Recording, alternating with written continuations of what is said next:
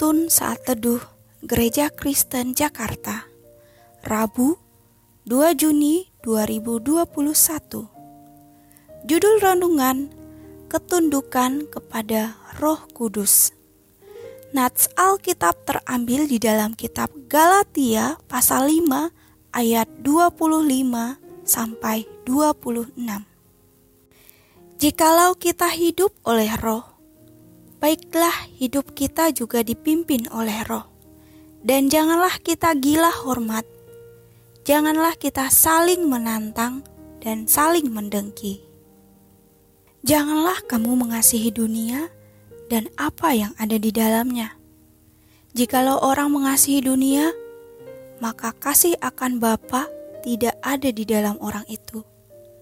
Sebab semua yang ada di dalam dunia, yaitu keinginan daging dan keinginan mata, serta keangkuhan hidup, bukanlah berasal dari Bapa, melainkan dari dunia. 1 Yohanes pasal 2 ayat 15 sampai 16. Hanya tunduk pada pimpinan Roh Kudus, maka kita dapat mengalahkan keinginan daging. Dalam nats ini Rasul Paulus menyampaikan pesan penting kepada jemaat di Galatia sehubungan dengan kemerdekaan Kristen. Ia berkata bahwa supaya kita sungguh-sungguh merdeka, Kristus telah memerdekakan kita. Karena itu, berdirilah teguh dan jangan mau lagi dikenakan kuk perhambaan. Untuk itu, yang perlu dilakukan adalah memiliki jalan hidup yang tepat, yang selaras dengan keinginan Allah, yakni hidup di dalam pimpinan atau keinginan Roh Kudus, bukan keinginan daging. Kita tahu keinginan daging ialah perbuatan-perbuatan yang cemar seperti gila hormat, saling menentang, dan saling mendengki. Ayat 26. Hal-hal ini berawalan dengan keinginan roh dan berakhir di dalam maut atau penghukuman kekal. Namun perbuatan atau keinginan roh ialah menghasilkan karakter ilahi, yaitu kasih, sukacita, damai sejahtera, kesabaran, kemurahan, kebaikan, kesetiaan, kelemah lembutan, dan penguasaan diri. Ayat 22 sampai 23.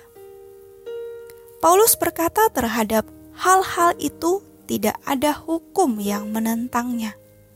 Oleh karena itu, Paulus menganjurkan jemaat agar dapat mengambil sikap yang benar untuk mau hidup dipimpin atau dikuasai oleh Roh Kudus.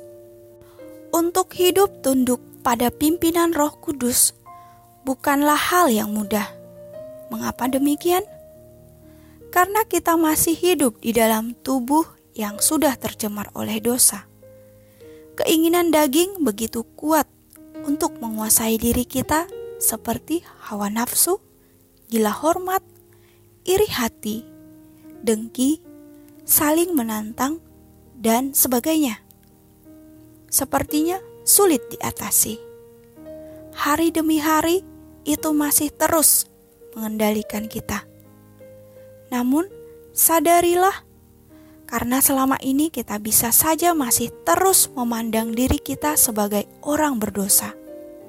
Padahal kita telah ditebus oleh Kristus Yesus untuk menjadi orang-orang kudus Allah. Selain itu, kita selalu melawan keinginan daging dengan sistem aturan keagamaan, seperti rajin baca Alkitab, berdoa, melayani. Namun, spirit kita belum sepenuhnya tunduk di hadapan Tuhan, bahkan masih setengah hati. Hal ini tidak akan mungkin membuat kita mau menghidupi keinginan roh. Dari dalam spirit kita masih setengah-setengah untuk Tuhan.